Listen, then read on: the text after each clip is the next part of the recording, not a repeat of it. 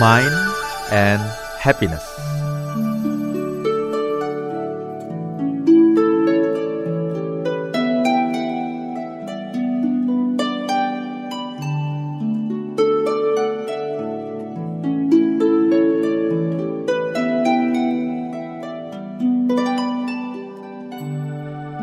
Seorang lelaki bernama Dirga sedang tenggelam dalam kesedihan dan tidak tahu harus berbuat apa. Anaknya sakit keras dan membutuhkan biaya untuk berobat. Namun, ia sendiri sedang dalam kondisi sulit karena baru saja diberhentikan dari pekerjaannya. Tiba-tiba, ia teringat akan sahabatnya yang bernama Bari. Ia yakin Bari pasti akan membantunya. Pikiran ini sangat menyenangkan hatinya. Sampai suatu pikiran lain hinggap di benaknya. Apa yang membuatmu begitu yakin bahwa Bari akan membantumu? Namun pikiran yang baru datang itu segera dibantahnya. Kenapa tidak? Katanya dengan sedikit bernafsu. Sayalah yang dulu menolongnya mendapat pekerjaan. Saya jugalah yang membantunya mengatasi berbagai masalah yang pernah ia alami dengan atasannya dulu. Pastilah ia akan membantu saya dalam situasi sulit seperti ini. Pikiran seperti itu menenangkan hatinya. Namun hal itu tidak berlangsung lama. Setelah makan malam, datang lagi pikiran yang lain. Bagaimana kalau dia menolak? Namun pikiran tersebut buru-buru dibantahnya lagi. Tidak mungkin. Kenapa ia sampai menolak? Segala sesuatu yang dia miliki itu adalah berkat jasa saya. Sayalah yang memperkenalkannya kepada istrinya yang cantik itu. Sayalah juga yang membantunya mencarikan tempat tinggal yang nyaman. Mana mungkin ia menolak meminjamkan uangnya kepada saya? Namun, ketika malam semakin larut, Dirga tak dapat memejamkan mata karena pikiran lain datang lagi. Hmm, tapi andaikan saja dia menolak, apa yang bisa saya lakukan ya? Pikiran ini sangat mengganggunya dan membuatnya marah. Dasar, tak tahu diri. Orang ini masih hidup karena jasa saya. Dulu saya pernah menyelamatkannya ketika ia mau tenggelam. Betapa tidak berterima kasihnya ia bila ia membiarkan saya dalam kondisi seperti ini.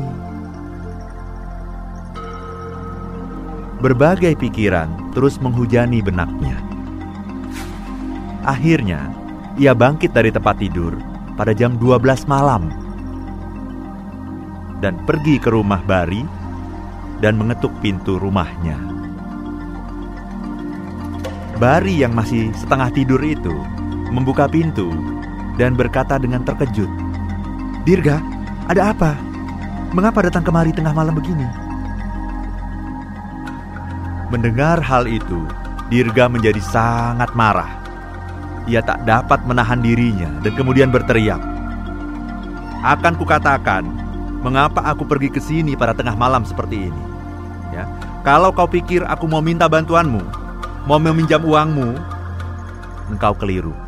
Aku tidak mau berurusan denganmu, dengan istrimu atau dengan keluargamu. Persetan dengan semua itu. Setelah mengucapkan kata-kata itu, Dirga berbalik dan pergi. Pendengar yang berbahagia, di mana pun Anda berada. Cerita yang saya sampaikan tadi memberikan ilustrasi kepada kita mengenai berbahayanya pikiran yang tidak dapat dikendalikan. Dirga itu adalah contoh orang yang sibuk dengan pikirannya sendiri. Sedemikian sibuknya sampai ia lupa bahwa semua kejadian yang dibayangkannya itu itu sesungguhnya hanya terjadi dalam pikirannya sendiri. Tapi apakah hanya Dirga yang melakukan hal ini? Bukankah kebanyakan dari kita juga mempunyai kecenderungan yang sama?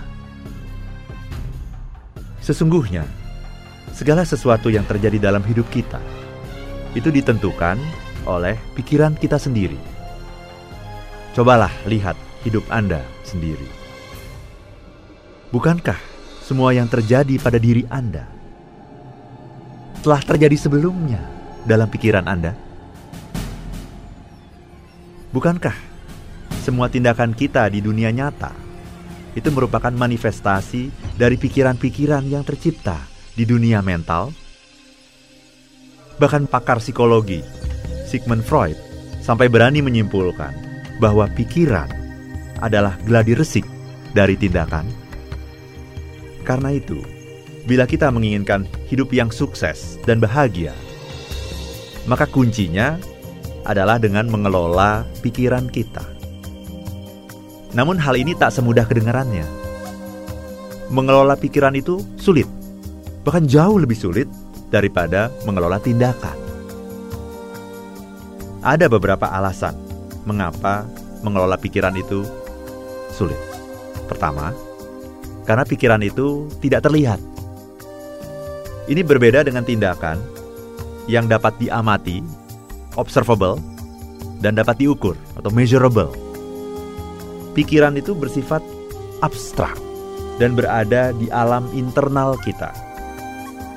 Selama masih bersifat abstrak, maka selama itu pula kita akan sulit untuk mengelolanya. Karena itulah, saya senantiasa menganjurkan kepada kita untuk senantiasa menuliskan pikiran-pikiran kita. Menuangkan pikiran dalam bentuk tertulis, membuat yang abstrak menjadi konkret, sehingga lebih mudah untuk kita kelola. Alasan kedua, mengapa mengelola pikiran itu sulit adalah karena kita tak dapat berhenti berpikir, apalagi ketika kita sedang menghadapi masalah. Bukankah dalam pikiran kita senantiasa terjadi dialog yang tak henti-hentinya? Bukankah dalam pikiran kita senantiasa terjadi pergulatan dan perdebatan yang berkepanjangan?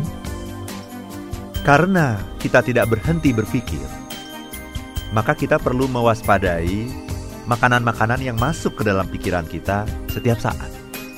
Namun celakanya, penelitian menunjukkan bahwa kebanyakan yang kita pikirkan itu adalah hal-hal negatif. Inilah yang benar-benar perlu kita sadari. Kalau kita sadar bahwa pikiran kita selalu menghasilkan hal-hal yang negatif, maka kita bisa segera mengganti pikiran negatif tersebut dengan pikiran positif yang membahagiakan. Alasan ketiga, kenapa mengelola pikiran itu sulit adalah karena kita sering tak bisa membedakan realitas pikiran dengan realitas yang sesungguhnya.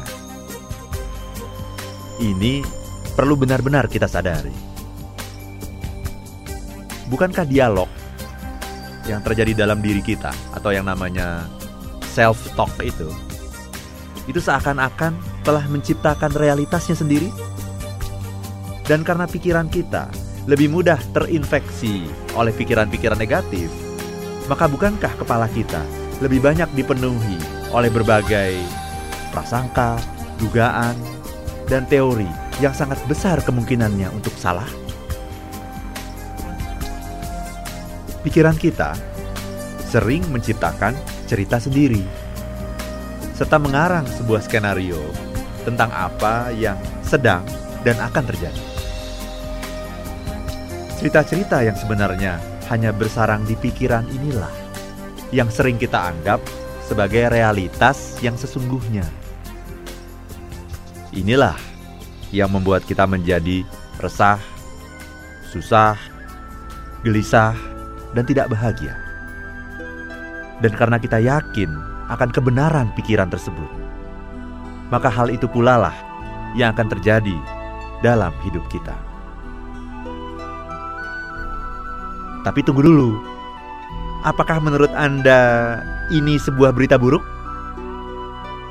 Bukankah kalau memang demikian rumusnya, Anda juga dapat mengarang sebuah cerita yang positif dan indah mengenai apa yang sedang dan akan terjadi? Bukankah kita bahkan bisa beranggapan bahwa cerita indah yang kita ciptakan dalam pikiran kita itu adalah realitas yang sesungguhnya? Bila demikian, bukankah kebahagiaan akan lebih sering kita temukan? If you wanna be happy, be happy now. Saya Arvan Pradiansyah.